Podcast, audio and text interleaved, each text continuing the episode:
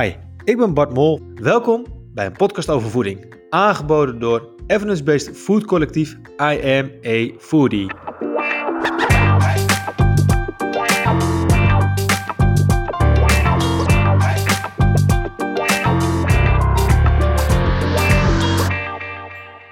Hey, wat leuk dat je weer luistert bij een nieuwe show van een podcast over voeding. Vandaag is Tessa Rozenboom te gast in onze show. Bij Tessa heb ik het gehad over de gezondheid van kinderen voor, tijdens en na de geboorte.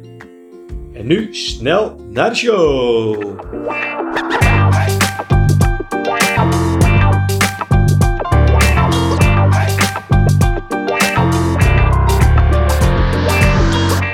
Hey, welkom bij een nieuwe aflevering van een podcast over voeding. Vandaag is Tessa Rozenboom te gast. En Tessa die ken ik als spreker bij ons lanceringssymposium ter eer van ons boek Eet als een expert zwanger. Dat was allemaal al pre-corona in 2019. Toen was uh, Tessa onze headliner op het symposium. Het was allemaal hartstikke leuk en gezellig. Allemaal leuke plannen ontwikkeld. Nou, die zijn allemaal even in de ijskast gezet. Maar dat was wel een mooi haakje om vandaag Tessa in de show te hebben.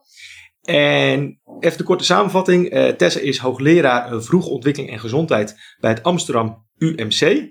En de eerste duizend dagen uh, is helemaal haar onderwerp. En met de eerste duizend dagen, daar gaan we het vandaag over hebben. Dat gaat van zwangerschap tot de eerste drie levensjaren van de little one. En ja, na het luisteren van de show weet je helemaal weet je alles wat je daarin misschien nog kan betekenen voor je gezondheid van de kleine kroost. Dus we gaan nu snel naar Tessa. Tessa, hallo. Hoi Bart. Heb ik het een beetje goed gezegd? Volgens mij heb je het helemaal goed gezegd, ja. Cool. Nou, dan gaan we gewoon gelijk beginnen. Uh, wat is je grootste voedingsfrustratie van de afgelopen week of afgelopen maand? Nou, mijn grootste voedingsfrustratie eigenlijk van de afgelopen tijd is dat ongezond voedsel echt op elke straathoek te krijgen is en dat dat zo goed als gratis is. Um, uh, dus dat, dat we eigenlijk in een omgeving leven waar uh, de ongezonde keuze zo ontzettend makkelijk is en de gezonde keuze voor gezond en lekker eten um, um, minder beschikbaar is. Oké, en dat betekent dus eigenlijk, want deze show nemen nu op nog tijdens de lockdown, dat je eigenlijk het wel heel fijn vindt, nu in relatie tot de ongezonde punten die aangeboden worden op de hoek van de straat, die eigenlijk nagenoeg zeggen 100% dicht zijn? Of slechts op afhaal? Uh, ja, nou, ik weet eigenlijk niet zo goed of het, of het echt vreselijk veel beter is geworden. Maar het, ik vind het gewoon ontzettend jammer en zonde als je weet hoe uh, uh, belangrijk gezonde voeding is. En hoe lekker ook gezonde voeding is. En wat er allemaal ontzettend veel aan, aan lekkers te, te eten en te drinken is. En dat eigenlijk als je gemakkelijk uh, eten wil kopen, is op elke straathoek is er uh, wel een, uh, een snackbar. Of een pizza hut of, of, of een andere ongezonde outlet. Um, en dat vind ik eigenlijk ontzettend frustrerend en ontzettend jammer. We zouden veel meer de gezonde keus 24-7 beschikbaar moeten, moeten hebben. Op ja. elke straathoek. Ja, en uh, voordat we nog een hele beleidstechnische gesprek erover gaan voeren, vind je het eigenlijk dat het, uh, het de verantwoordelijkheid is van de persoon dat hij denkt, ja, je ziet het wel, maar je wordt niet verplicht om naar binnen te gaan om iets ongezonds te gaan kopen? Of vind je het wel meer dat het eigenlijk ook het aanbod er gewoon al niet of minder mag zijn? Dus dat het eigenlijk meer een beleidskwestie ook is voor uh, overheid, lokaal, dan wel het nationaal? Ja, en, en ik denk dat we leven in een vrij land, dus je moet vrije keuzes mogen maken. Um, maar eh, nu is de, de goedkoopste, makkelijkste keuze is, is een hele ongezonde. Dus als jij ervoor wil kiezen om iets gezonds te eten, dan is de, eh, wordt het je niet heel gemakkelijk gemaakt, zeg maar. Dus ik vind ook dat we daar als, uh, als maatschappij wat, wat aan moeten doen. Ja, en zie je een tendens dat het, zeg maar, in het kader van vroeger was altijd alles beter en gezonder in versus 2021? Uh, nee, ik ben niet zo van uh, vroeger was alles beter. Uh, de, de, omgeving verandert, de wereld verandert. En ik denk dat we steeds beter weten hoe belangrijk gezonde voeding is. En met name ook, hè, waar we het straks over gaan hebben, die eerste duizend dagen. en dat je voedselvoorkeuren dus ook al heel vroeg in het leven bepaald worden. Dus ja, ik ben ontzettend gemotiveerd om ervoor te zorgen dat we gezonder kinderen hebben met ja, gewoon gezondere toekomstige generaties eigenlijk. En die hebben een gezonde voedingsbodem nodig. Die hebben nou, letterlijk uh, gezond eten nodig. Ja, en oké, uh, we gaan het hebben over die duizend dagen. Dan is mijn eerste vraag eigenlijk van, wat bedoel je concreet met die duizend dagen? Nou, de eerste duizend dagen van het leven, die tel ik en tellen we vanaf de bevruchting. Um, als je dan duizend dagen telt, dan kom je ongeveer op de tweede verjaardag uit. En dat is natuurlijk niet heel erg precies. Of het nou 1100 eh, dagen zijn of uh, eh, 995. Maar ongeveer in de eerste duizend dagen van het leven ontwikkel je van één cel tot een compleet mens. En in die periode gebeurt er zo ontzettend veel en leg je echt de basis voor de rest van je leven dat mijn pleidooi eigenlijk is, daar moeten we veel meer op investeren. Want dat legt de basis voor een gezonde toekomst. Ja, en is het zo dat, dat die duizend dagen, is dat eigenlijk meer een soort van cheesy uh, marketingterm van, dat klinkt wel lekker duizend? Of had je ook kunnen zeggen, nou, de eerste vijfduizend uh, dagen, omdat zowel de start belangrijk is als ja, wat je misschien eet als je ouder bent dan twee, is het ook nog wel belangrijk lijkt me wat je allemaal nog eten en drinkt en doet. Of wat je krijgt aangeboden. Tuurlijk, uh, tuurlijk. De eerste duizend dagen zijn wel heel erg belangrijk, omdat je al je organen aanlegt. dat doe je niet uh, uh, na je twintigste, zeg maar. Maar natuurlijk is het belangrijk dat je later ook nog gezond eet. En, uh, ik heb zelf twee, twee pubers. Nou, dat is een andere periode in het leven waarin er heel veel verandert. En ehm, waarbij je gezondheid natuurlijk en je leefstijl ook super belangrijk is. Dus het is absoluut niet zo uh, dat de eerste duizend dagen eh, de basis zijn. En als het dan niet goed gaat, vette pech, dan, uh, dan ben je voor altijd gedoemd, zeg maar. Maar het is wel zo dat die eerste duizend dagen, als je daar niet in investeert, ja, dat je dan enorme kansen mist. Ja, en dus met die eerste duizend dagen leg je dus eigenlijk het fundament voor ja, het, het persoon uh, voor de rest van het leven. Dus dat is eigenlijk, als het fundament al niet goed wordt gelegd, kan je dan al stellen dat dan de rest van het leven of zo, dat je dan, dat je immuunsysteem niet goed werkt of zo? Of wat? wat nou, je ziet inderdaad dat mensen die, een, mensen die een valse start hebben gemaakt, en dan, ja, een valse start kan van alles zijn, maar als het niet uh, heel goed gaat in die eerste duizend dagen van het leven, dan heb je daar eigenlijk levenslang last van. Niet dat je dan zeker weten ziek wordt, maar je, hebt wel, je bent wel gevoeliger voor uh, het ontwikkelen van ziekte. Uh, zowel uh, ziekte als suikerziekte en hart- en vaatziekte, maar ook ben je gevoeliger voor verslavingen of een depressie. nou, we weten dat als je verslaafd bent of gevoeliger bent voor verslaving, dat, dat dan ongezonde keuzes je nog weer ongezonder maken. Dus daarom is uh, zorgen dat je een stevige basis hebt, is, is echt ontzettend belangrijk. Oké, en waar bestaat een stevige basis uit? Nou, die, als je in die eerste duizend dagen eigenlijk voldoet aan, aan eh, vijf belangrijke elementen: uh, gezonde voeding, een gezond lijf, uh, een gezonde omgeving, liefde, stimulatie en veiligheid ja, dan heb je, dan heb je een hele stevige basis. Ja, en dat, dat is dus, ah, oké, dus, dus dat zijn de vijf punten. Als je daar, als je daar in ieder geval uh, als, ja, eigenlijk als vrouw in, in, in eerste instantie natuurlijk, want het vanaf, vanaf bevruchting tot zwangerschap is eigenlijk met name dan de vrouw, zeg maar, een beetje in de charge. Mm -hmm. En dan als het is geboren, dan ben je als man, kan je dan ook nog je steentje aan bijdragen. Of is het al vanaf de bevruchting dat je het al samen zou, zou kunnen doen? Absoluut allebei. Uh, het, we kunnen niet ontkennen dat, uh, dat uh, ieder van ons ontwikkeld is in de buik van onze moeder. Dus, dus moeders hebben zeker een grote invloed.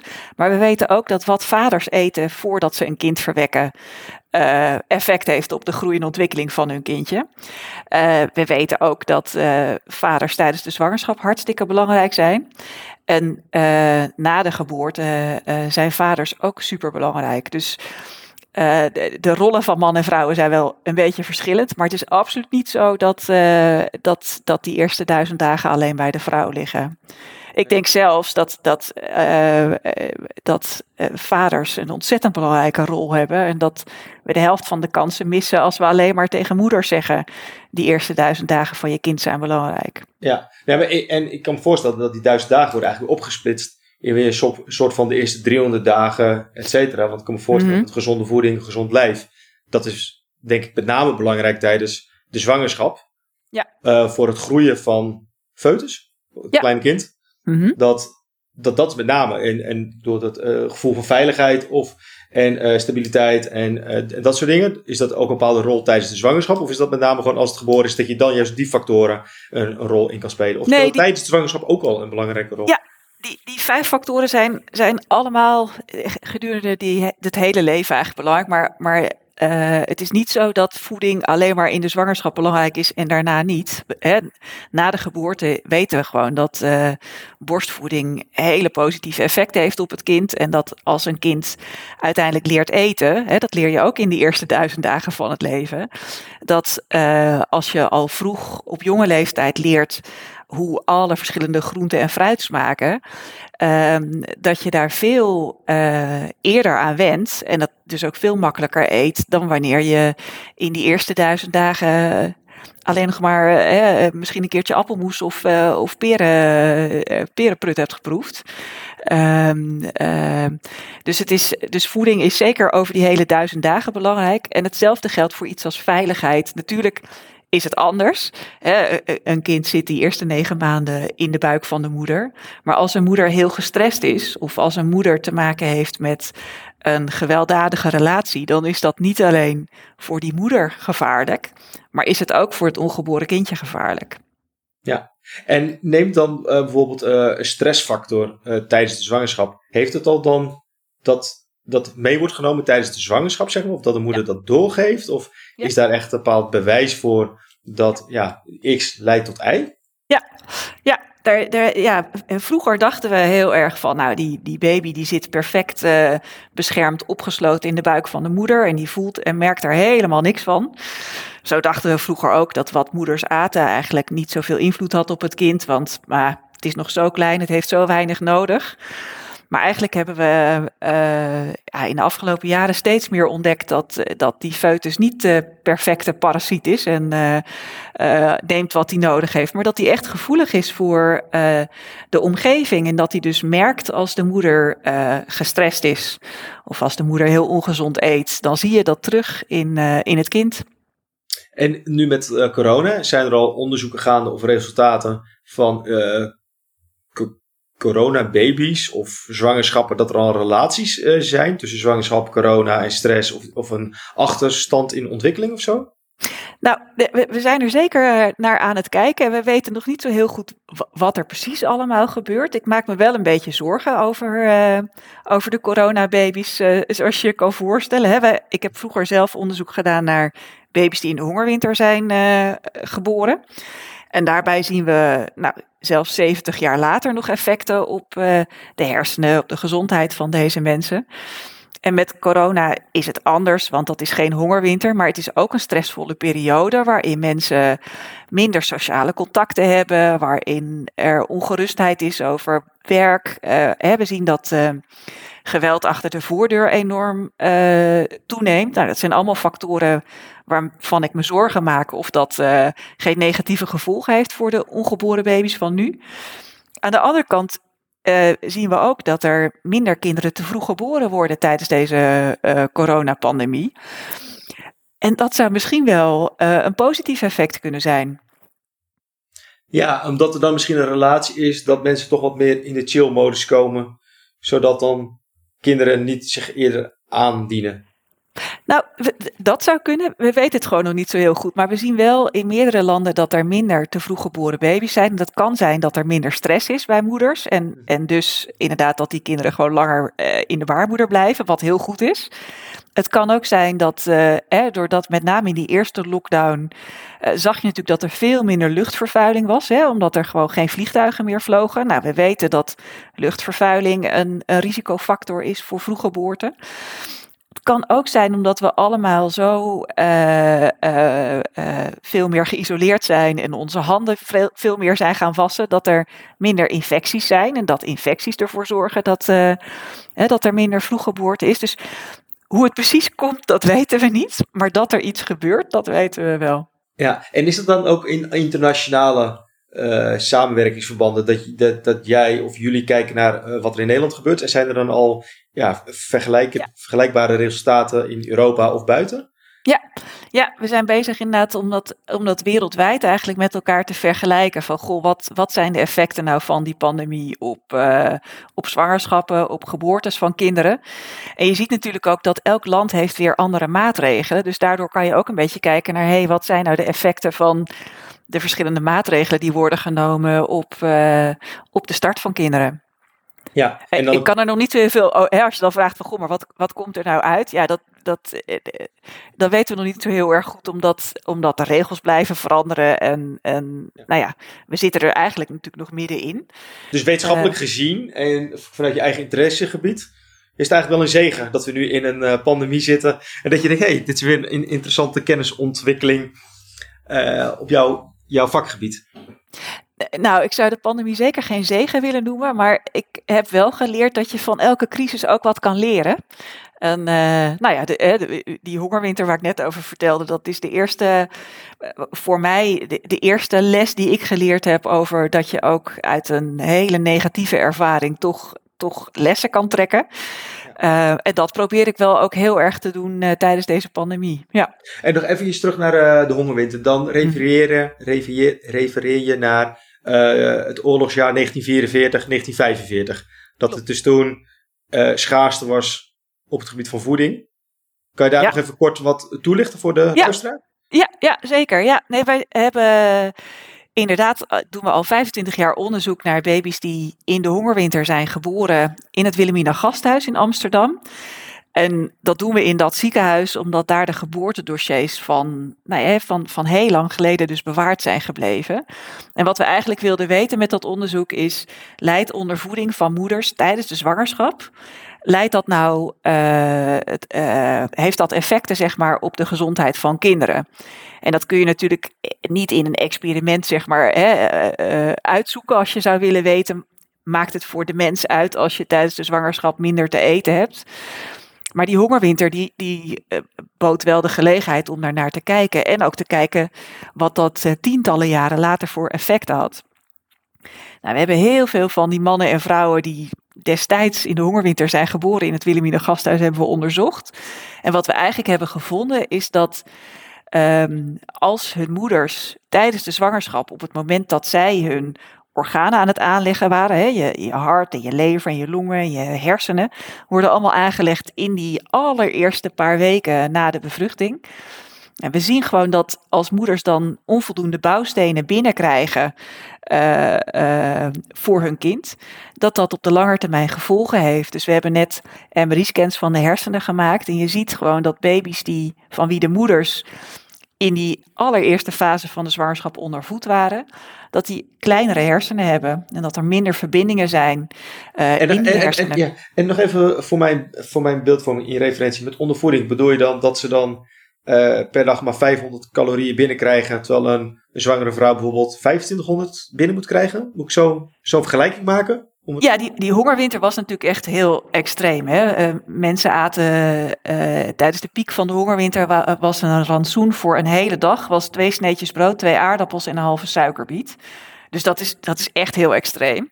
En wat, waar we het mee vergeleken hebben, is mensen die voor de hongerwinter werden geboren. Dus in, uh, in 1943, 1944 in hetzelfde ziekenhuis. Of kinderen die na de hongerwinter zijn verwekt en dus in 1947 werden geboren. Dus uh, die, die twee groepen vergelijken we eigenlijk met elkaar. En dat is uh, aan de ene kant is het natuurlijk echt een extreem verschil, want die hongerwinter was echt heel erg. Aan de andere kant, die, die uh, controlegroep, hè, die mensen geboren voor de hongerwinter of verwekt na de hongerwinter, heeft ook de oorlog meegemaakt. Heeft ook, uh, is ook in Amsterdam opgegroeid, werd in hetzelfde ziekenhuis geboren. Dus verder zijn ze heel vergelijkbaar. Alleen had hun moeder op het moment dat deze mensen hun, nou ja, de basis hadden, hè, de, de, de, hun hart gingen aanleggen, hun hersenen gingen aanleggen, hadden, ze, hadden die moeders uh, nou, heel weinig te eten. Inderdaad, onge ongeveer uh, ja, een paar honderd calorieën, tussen de 400 en 800 calorieën per dag. Dat is dus tijdens de hongerwinter en daarvan is er dan, kan je zeggen dat er sprake is van een kausaal verband dan? Dat als je dan zo weinig calorieën binnenkrijgt qua voedingsstoffen, dat je dan dus een grotere kans hebt op een, uh, ja, dat organen zoals hersenen en dergelijke, dat het minder goed wordt aangelegd. Nou, we, we, zien inderdaad dat die mensen die in de hongerwinter zijn verwekt, die hebben vaker hart- en vaatziekten, die hebben kleinere hersenen, die hebben vaker nierziekten, die hebben uh, nou ja, allerlei klachten die uh, te maken hebben met die, met die slechte start. Ja. En um, dan doorgetrokken naar waar we dan uh, nu in leven met, wat, wat bedoel jij met een valse start dan? Ook dat er dan um, te weinig, of ja, ondervoeding, ik weet niet of dat dan nu nog gebeurt in Nederland. Versta je dat ook onder een valse start? Of is dat, bedoel je daar iets anders mee? Nou, je, eh, dat, dat hongerwinteronderzoek dat ging inderdaad heel erg over een valse start door echt te weinig eten. Maar we hadden het net al over dat je eigenlijk vijf verschillende elementen nodig hebt hè, om een goede start te hebben. Dus daar, daar is voeding er eentje van. Maar uh, gezondheid is daar een andere van. Uh, hè, dus als moeders in de zwangerschap bijvoorbeeld uh, ziek zijn, als ze een hele hoge bloeddruk hebben, dan kun je je voorstellen dat dat ook hun ongeboren kind vormt.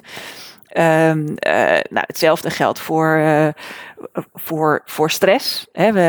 De stress van de hongerwinter, maar ook de stress van 9-11 bijvoorbeeld, heeft, heeft gevolgen nagelaten voor die ongeboren baby's. En hetzelfde geldt eigenlijk voor, uh, uh, voor liefde en stimulatie ook. Dat als je dat mist, dat je daarmee een valse start maakt. Dus dat betekent eigenlijk dat, dat je op allerlei verschillende manieren een, een, een valse start in het leven kan maken. Ja, ja en het uh, staat me bij dat uh, tijdens je lezing, tijdens ons symposium van uh, Eet als een expert zwanger, mm -hmm. dat je dan ook de metafoor gebruikte. Maar misschien zeg ik het verkeerd, maar licht het graag toe dat als je een bonsai boompje, die blijft in de gratie altijd heel klein, omdat hij in een slechte voedingsbodem uh, zit. Maar als je hem uh, de juiste voedingsbodem zou geven, dan zou die net zo groot en sterk worden als een hele grote eik die je kent uh, in het bos. Ja, klopt. Ja, ja, ja dat, is, dat is inderdaad de, de metafoor die ik heel vaak gebruik. Dat, ik, ik ben van, van opleiding ben ik bioloog. En alles wat leeft, uh, of het nou planten, dieren zijn of mensen, die zijn gevoelig voor invloeden van buitenaf. En een bonsaiboom vind ik altijd een heel mooi voorbeeld. Dat als je een zaadje van een grote boom in een heel klein potje stopt met hele arme uh, voedingsbodem. Dan, dan krijg je inderdaad een miniatuur, dan krijg je een bonsaiboom. Terwijl als je precies datzelfde zaadje in een rijke voedingsbodem had gestopt, dan had dat gewoon een grote boom kunnen worden. En hetzelfde zou je op, op een bepaalde manier van mensen kunnen zeggen. Dat als jij een, een, goede voedingsbodem hebt gehad, dat als jij je volledige potentie kan ontwikkelen, met name in die eerste duizend dagen, door gezonde voeding, door een gezonde omgeving, door liefde, stimulatie en veiligheid, dan kun je veel meer je potentie bereiken dan wanneer je uh, het moet doen met een hele schrale voedingsbodem. Zoals bijvoorbeeld die hongerwinterbaby's, hè, die hadden gewoon weinig bouwstenen om hun hart en hun hersenen te bouwen. En daardoor zijn ze minder gezond, maar doen ze ook minder mee op de arbeidsmarkt, hebben ze vaker een verslaving.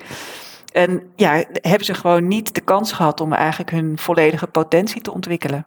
Ja, en ik zag ook dat uh, in voorbereiding op deze show, dat uh, nog voor uh, corona zag ik dat je in het tv-programma zat samen met Hugo de Jonge, de minister van Volksgezondheid, Welzijn en Sport, maar die iedereen waarschijnlijk alleen bekend als een corona-bewindspersoon. En die had het eerste boek van jou in, gekregen, het boek over de eerste duizend dagen. Klopt, ja. Was eigenlijk, is mijn eerste vraag van hoe heb je dat voor elkaar gekregen? Want die man is hartstikke druk. Uh, kan ik me voorstellen, hoe heb jij het voor elkaar gekregen dat hij jouw boek in ontvangst heeft genomen? Ja, nou, uh, ik, ik, heb hem gewoon gemaild.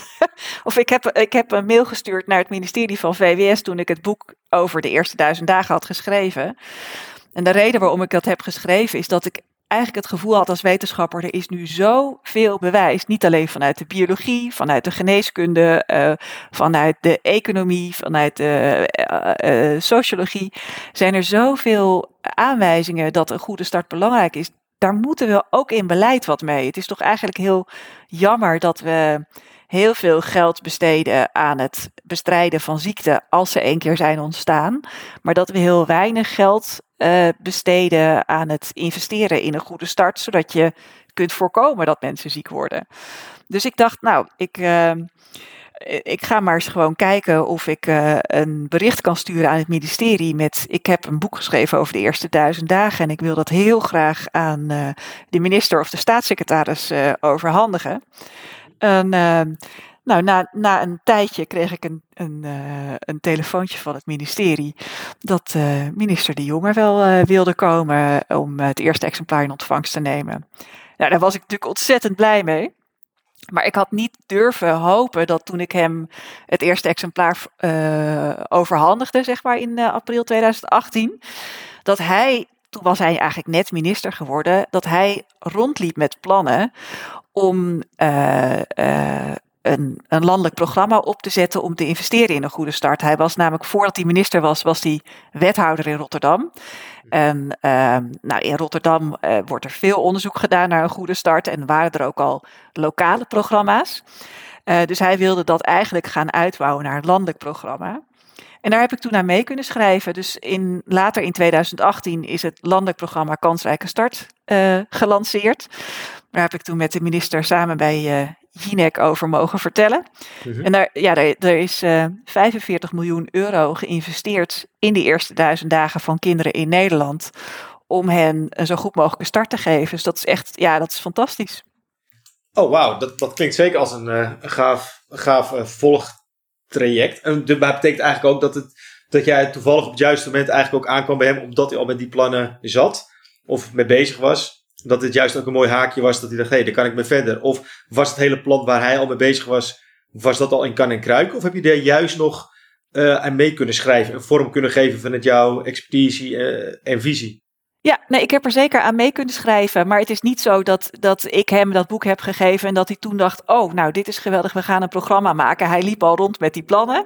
En uh, nou ja, zoals dat dan soms gaat, blijken dan uh, verschillende ideeën bij elkaar te komen. Dat ik net had bedacht: ik, ik moet dat boek schrijven om de politiek veel meer te overtuigen van het belang hiervan. En dat kwam eigenlijk gewoon heel goed bij elkaar. Dus uh, ik heb meegeschreven aan het programma. Ik ben nu ambassadeur van het programma. En ja, wat ik ontzettend leuk vind, is dat uh, er inmiddels 275 gemeenten zijn in Nederland die allemaal een lokale coalitie hebben om ervoor te zorgen dat in hun gemeente elke inwoner die daar geboren wordt uh, een goede start krijgt. Ja, laten we even op uh, inzoomen. Wat, want wat houdt zo'n programma in? Want je, want je noemde al even een bedrag van 45 miljoen voordat dat er voor dit programma is uitgetrokken. Mm -hmm kan je high level aangeven van is dit budget dan in de drie jaar op? Wat wordt ermee gedaan? Uh, wat, wat is een doelstelling van het project? Wanneer is het een succes? Wanneer is het een failure? Uh, vragen. Nee, we hebben nog een vijf minuten. we hebben gewoon even meer uit te diepen. Ik ben best, wel, best wel geïnteresseerd van, oké, jullie zijn bij elkaar gekomen en dan? Ja, ja. Nou, het is natuurlijk ontzettend goed dat dat, uh, dat programma is toen in 2018 gelanceerd met het idee, uh, het kan nog drie jaar lopen, want uh, dat, dat is dan de, uh, de termijn van, van de minister. Dus ja, die, die 45 miljoen is in drie jaar tijd uitgegeven. Die is heel erg uitgegeven om alle gemeenten in Nederland te helpen. een, een lokale coalitie te maken om lokale professionals bij elkaar te zetten, die er dan voor gaan zorgen dat elk kind in hun gemeente een goede start krijgt.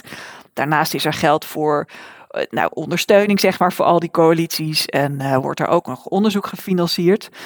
Maar inderdaad, het idee is dat het dit jaar nog loopt, dat programma. En daarna hoop ik natuurlijk heel hard, nou dat hoop ik niet alleen, maar daar zijn we ook actief mee bezig, om ervoor te zorgen dat ook in een volgend kabinet uh, er geïnvesteerd blijft worden in een goede start. Maar wat nu al fantastisch is, is dat er uh, nou, het grootste deel van de gemeente in Nederland heeft dus een, met subsidie van, de, van het Rijk, hebben ze een club van professionals bij elkaar gezet, waarbij het diëtisten zijn, verloskundigen, uh, jeugdgezondheidszorg, de huisarts, uh, de uh, schuldhulpverlening, veilig thuis, allemaal verschillende professionals die kunnen bijdragen aan een goede start. Die hebben ze bij elkaar gezet om in hun gemeente dan te bedenken, goh, bij ons zouden we nog meer kunnen doen aan het geven van een goede start aan kinderen als, uh, als we meer samenwerken. En je vroeg net, hè, van wat, wanneer is het nou een succes? Nou, eh, een succes is als uh, alle kinderen in Nederland een goede start hebben. maar je kunt niet alles voorkomen. Um, dus wat, wat het RIVM nu doet, en daar adviseer ik ze dan over, is kijken elk jaar. Hoe gaat het nu met de kinderen in Nederland? Zien we inderdaad dat sinds het begin van het programma dat er meer kinderen gezond opgroeien, dat er minder kinderen uit huis geplaatst worden, dat er minder kinderen te vroeg geboren worden, dat er minder kinderen zijn met overgewicht op tweejarige leeftijd. Dus we proberen uh, het programma zo effectief mogelijk uit te rollen. En tegelijkertijd proberen we te leren van wat zien we nu wat er, uh, wat er gebeurt. En die lessen nemen we mee naar, naar de toekomst. Ja, ja precies. Want dan, kan ik me voorstellen dat je juist doordat zo'n programma nu is geïmplementeerd, dat er resultaten komen, dat dat weer bewijs is van hé, we moeten het, ja. programma continueren. Precies. Uh, maar is dat die, die 45 miljoen zal ergens op gebaseerd zijn? Maar als je dan drie keer zoveel uitgeeft, betekent dat je gewoon meer gemeentes eraan kan koppelen, zeg maar? Of kan je er nog meer de diepte in, zeg maar? Dat je nu een klein stapje naar, of heb je nu eigenlijk een heel programma waarbij je juist met alle professionals die je net noemde, een, een voortvarende start kan geven? Ja, nou ik denk dat we mega stappen hebben gemaakt door, door in bijna alle gemeenten in Nederland zo'n coalitie neer te zetten. Hè. En als die mensen elkaar één keer kennen, dan hoeft er ook niet meteen bakken met geld bij om zoiets in stand te houden. Uh, uh, maar we kunnen nog wel een enorme slag maken. We zijn nu net drie jaar bezig. En die uh, coalities zijn eigenlijk net begonnen. En dan begin je misschien met ehm, eh, ja, de mensen bij die de meeste steun nodig hebben. Maar in feite kunnen we nog veel meer doen. Dus, dus ehm, het zou heel erg goed zijn als we in de toekomst verder kunnen blijven gaan en uh, nog meer mensen kunnen helpen om hun kind een goede start te geven. En hoe, hoe moeten we dat concreet voor hebben zien? Zelf woon ik in Amsterdam. Heeft Amsterdam dan ook zo'n lokale co ja. coalitie? Ja. Kan je dat toelichten, hoe, hoe dat dan is ingebed? Nou, de, er is inderdaad, uh, net als in heel veel steden, is er in Amsterdam een lokale coalitie. Die is, zoals je kunt voorstellen, in Amsterdam best wel heel erg groot, want het is een grote stad en er zijn heel veel professionals betrokken bij, uh, uh, bij een goede start van kinderen in Amsterdam. en wat die club van mensen eigenlijk heeft gedaan, is eerst eens met elkaar praten over, goh, wat, wat is nou in Amsterdam het grootste probleem? Waar, waar lopen kinderen die in Amsterdam geboren worden tegenaan die hè, een valse start maken? Is het met name dat er heel veel kinderen opgroeien in een gezin waar er huiselijk geweld speelt? Of is dat um, uh, is het grootste probleem dat er veel kinderen in armoede opgroeien? Of is het probleem uh, dat er veel te veel uh, vaders en moeders roken? Hè, je, je, kunt je, dus eerst eigenlijk is in kaart gebracht wat is nou het grootste probleem en waar gaan we eerst onze schouders onder zetten? Nou, daar worden dan plannen voor gemaakt en uh, dat wordt uitgerold. En vervolgens wordt er ook gewoon gekeken, wat heeft dit voor effect? En als we nu dit stapje hebben gezet, bijvoorbeeld op tijd signaleren als er uh, uh, een kindje op komst is en er is geen vaste woonplaats. Uh, dat dat eerst opgelost wordt, maar vervolgens dat je gaat kijken naar nu willen we eigenlijk zorgen dat er geen enkel kind meer in armoede opgroeit. Of nu willen we eigenlijk zorgen dat uh, elke ouder die wil stoppen met roken dat ook voor elkaar krijgt. En moet ik het dan, voor, dan voor me zien? Dat er dan in elke gemeente is dan een soort van een projectmanager of een projectbureau. Die dus alle, alle professionals bij elkaar zet. En op die manier dan dus die mensen aanstuurt. En daar krijgen ze dus vanuit het budget voor betaald, zeg maar. Omdat dat, dat verschilt een beetje. De, eh, sommige gemeenten, zoals de gemeente Amsterdam, die hebben dan inderdaad een, een uh, regisseur kansrijke start, zoals ze dat noemen. Omdat, omdat Amsterdam gewoon een hele grote stad is en, uh, en er heel veel professionals betrokken zijn. Maar je kunt je voorstellen dat in een, in een kleine plattelandsgemeente in Zuid-Limburg of in, in Drenthe, dat, je, dat je dan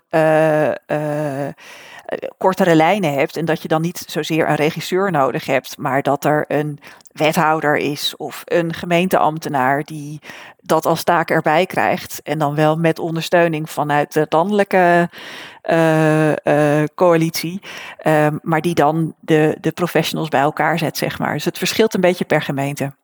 En nu even worst case, want we zitten, nou, nu deze podcast opnemen, zijn we nog voor de verkiezingen. Als deze podcast live komt, zijn de verkiezingen geweest, krijgen we een coalitievorming. Het is nog maar de vraag of het CDA waar Hugo de Jonge onderdeel van uitmaakt, of die wel in de nieuwe regering komt. Ja. Eh, je noemde net dat hij al bezig was met dit plan. Was dat een plan van zijn departement of was het ook zijn persoonlijk idee, omdat hij persoonlijk echt geëngageerd is met dit onderwerp? En, dat, en, mijn vraag is dan eigenlijk van, oké, eh, omdat je net noemde dat het was in 2018 was dit programma opgestart, dit budget, nou het loopt nu af. Uh, dan lijkt het erop dat, weer, ja, dat het verlengd moet worden met een nieuw kabinet. Als straks in die coalitievorming ja, dit wordt ondergewaardeerd? Valt het dan als een kaarthuis in elkaar? Of staat er nu een bepaalde basis dat het zonder die subsidie ook wel nog gefinancierd kan worden, linksom of rechtsom? Ja. Nou, gelukkig ligt er echt een hele stevige basis. En denk ik niet dat, dat het programma stopt als, uh, als de verkiezingen compleet anders uitvallen dan ze de afgelopen vier jaar zijn uitgevallen. Het is ook zeker niet alleen een CDA-programma. Er zijn veel meer partijen die dit, die dit steunen. En we, we, hebben natuurlijk ook in de afgelopen drie jaar dat het programma loopt met heel veel mensen gesproken om ze te laten zien hoe belangrijk dit is. En nou, we zijn momenteel bezig om ervoor te zorgen dat de politici die in de run zijn, zeg maar, om het kabinet in de toekomst te gaan vormen, dat die ook over, hè, in ieder geval geïnformeerd zijn over het belang hiervan. En wat daarnaast heel erg mooi is, is dat er uh, bijvoorbeeld de samenwerkende gezondheidsfondsen in Nederland, hè, de, de 20 samenwerkende gezondheidsfondsen, Hersenstichting, Hartstichting, Longfonds, Astmafonds, uh, KWF, dat die gezamenlijk hebben besloten om een gezamenlijke missie te formuleren. En dat is de gezonde generatie. Dat betekent dat alle samenwerkende gezondheidsfondsen in Nederland de missie hebben om in 2040 de gezondste generatie te hebben. En een van de dingen waarin ze investeren is de eerste duizend dagen. Dus uh, zelfs in het hele onfortuinlijke geval dat het nieuwe kabinet uh, geen geld wil investeren in, uh, in de eerste duizend dagen, dan nog gaat deze trein uh, blijven rijden. Omdat, uh, omdat we echt een beweging op gang hebben gebracht. Waarbij uh, heel veel partijen zijn aangesloten. En waarbij we een langere termijnvisie hebben om door te investeren in een goede start. We ook echt veel meer mensen een gezond leven, een goede kans op een gezond leven geven. Ja, ja. Oké, nou dan komen we nu richting het einde van de, de show, Tessa.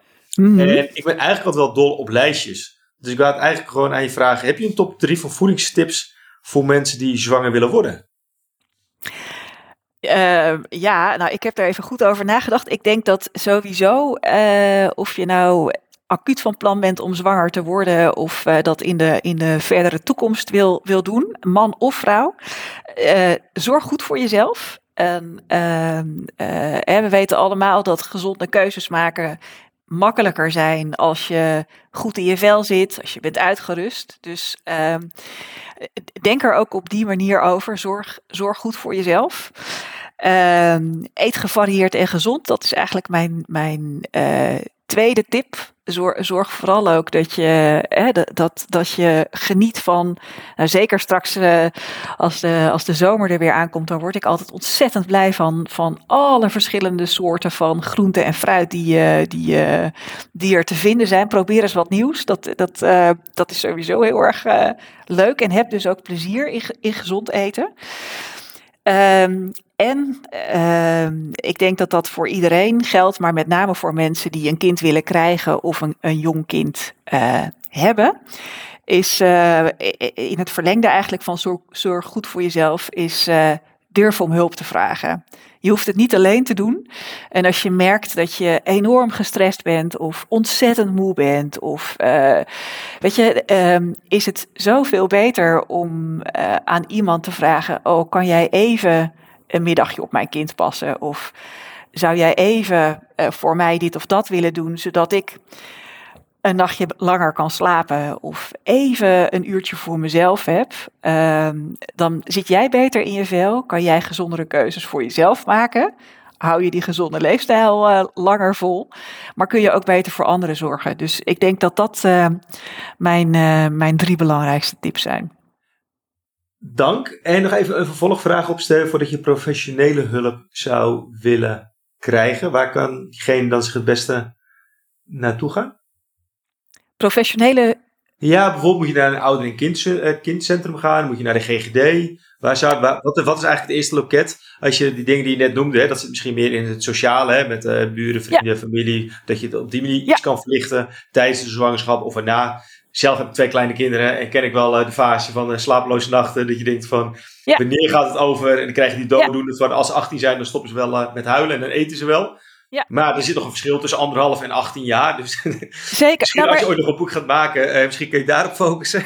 Nou, ik, ik ben bezig met het schrijven van een boek. En dat is, dat is precies inderdaad waarvan ik denk dat moeten we in Nederland zoveel meer leren. Dat, dat uh, die dat hele traditionele beeld van, uh, ja, het is gewoon pittig als, uh, als de kinderen klein zijn. Dat is waar, maar je hoeft het niet alleen te doen. Hè? Er wordt niet voor niks gezegd, it takes a village to raise a child. Vraag een keertje aan de buren of ze een keer kunnen oppassen. Of hè, als jij buren bent van een gezin met kleine kinderen, vraag een keer, goh, zal ik uh, de kleine even meenemen naar de speeltuin? Of uh, uh, iets heel kleins kan al, kan al echt een enorm effect hebben. Zeker als je het gevoel hebt van, goh, ik ik loop op mijn tandvlees. Maar inderdaad, om op je vraag terug te komen van waar moet je nou heen? Ik zou naar het consultatiebureau uh, gaan hè, als je jonge kinderen hebt.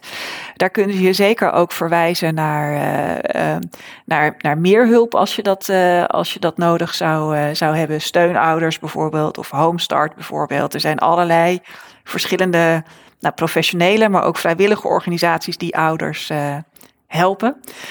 als je zwanger wilt worden, maar het nog niet bent, dan zou ik zeggen: ga naar de huisarts. Ik zal het anders ook even in de show notes uh, zetten voor de luisteraar, dat we daar wat linkjes neerzetten, dat ze daar eventueel op uh, kunnen klikken. Ja, hartstikke goed. Cool. Hey Tessa, we komen nu bij het einde van de show. Heb je nog suggesties voor gasten die we kunnen vragen voor uh, de show, een podcast over voeding?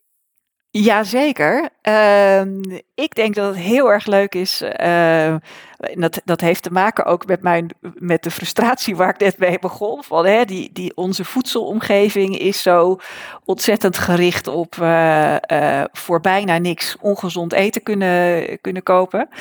Uh, mijn collega Jorijntje Makkenbach is een uh, leuke, jonge, vrouwelijke onderzoeker die echt, die gaat een enorme uh, carrière tegemoet volgens mij, maar die kan, die doet ontzettend interessant onderzoek naar hoe je omgeving je voedselkeuzes beïnvloedt. Dus volgens mij um, zouden jullie haar een keertje moeten uitnodigen. Oké, okay, dank. En een andere leuke vrouw waar ik aan dacht is Lisbeth van Rossum, hoogleraar in Rotterdam. Ehm, die. Uh, ik weet niet of die al op jullie lijstje stond, maar dat is, dat is iemand die, hè, die natuurlijk enorm aan de weg aan het timmeren is om te laten zien dat uh, ongezonde keuzes echt niet alleen maar individuele keuzes zijn. En, ehm, nou, ik denk dat dat ook een, een hele goede gast is om eens te interviewen. Dank. Heel goed. Uh, we komen nu nog uh, naar het allerlaatste item van de show. En dat is dat gewoon ongegeneerd gaan verkopen. Dus uh, heb je al pre-order geopend van je boek? heb je respondenten nodig? Wil je je huidige boek, die eerste duizend dagen, moeten die nog even een push geven dat hij in de bestseller top 60 weer komt? Waar nou, kunnen we je van de dienst zijn? Uh, nou, dat is sowieso heel erg leuk. Als mensen het leuk vinden om uh, mijn boek De Eerste Duizend Dagen uh, te lezen en te bestellen, dan is die online en in de boekwinkel te verkrijgen. Uitgeverij De Tijdstroom. Uh, mijn nieuwe boek, uh, daar, die, is in de maak, maar kan nog niet gepre-orderd worden. Uh, daar moet ik dan nog een andere keer op, op terugkomen. Maar dankjewel. Ja, heel goed. Nou ja, dan ga ik zelf ook nog even verkopen. Ik begin natuurlijk altijd met, mocht je dit een hele leuke show vinden, dan kan je een donatie doen bij vriendvandeshow.nl slash POV. Nou, podcast over voeding. dan kan je zelf een bedrag invullen. Op die manier ja, kunnen we deze show mogelijk maken. En uiteraard spreekt voor zich, je kan naar iMofoodie.nl slash winkel en dan kan je een van onze boeken kopen. Nou, ik zal eerst beginnen met uh, Eet als expert zwanger. Dat uh, gaat helemaal in op uh, zwanger worden en gedurende de zwangerschap. Um, qua eten en drinken, et cetera. En alle andere titels die je wellicht al lang al kent van Eet als een expert, Atleet, Hardloop editie. En uiteraard Partytime, een gezond kookboek. Dat kan ik onderschrijven. Die, die, die partytime heb ik van jullie gekregen als dank voor uh, mijn bijdrage aan jullie symposium. En ik heb daar in de kerstvakantie met heel veel plezier allerlei lekkere dingen uitgemaakt. Dus dat is echt uh, dat, uh, is een superleuk boek. Nou ja, dit is het briljant einde. Ik kan er niks meer aan toevoegen. Alleen dan dat hij weer, weer wordt gedrukt. Dus die, als dit live staat, dan zal hij waarschijnlijk bijna beschikbaar zijn. En anders richting eind april. Dus Tessa, dank. Jij bedankt. Succes met het uh, project uh, Kansrijke Start. En hopelijk uh, wordt het programma verlengd tot in einde de tijd. Dankjewel Bart, ik hoop het ook. Oké, okay, later. Dag. Hoi.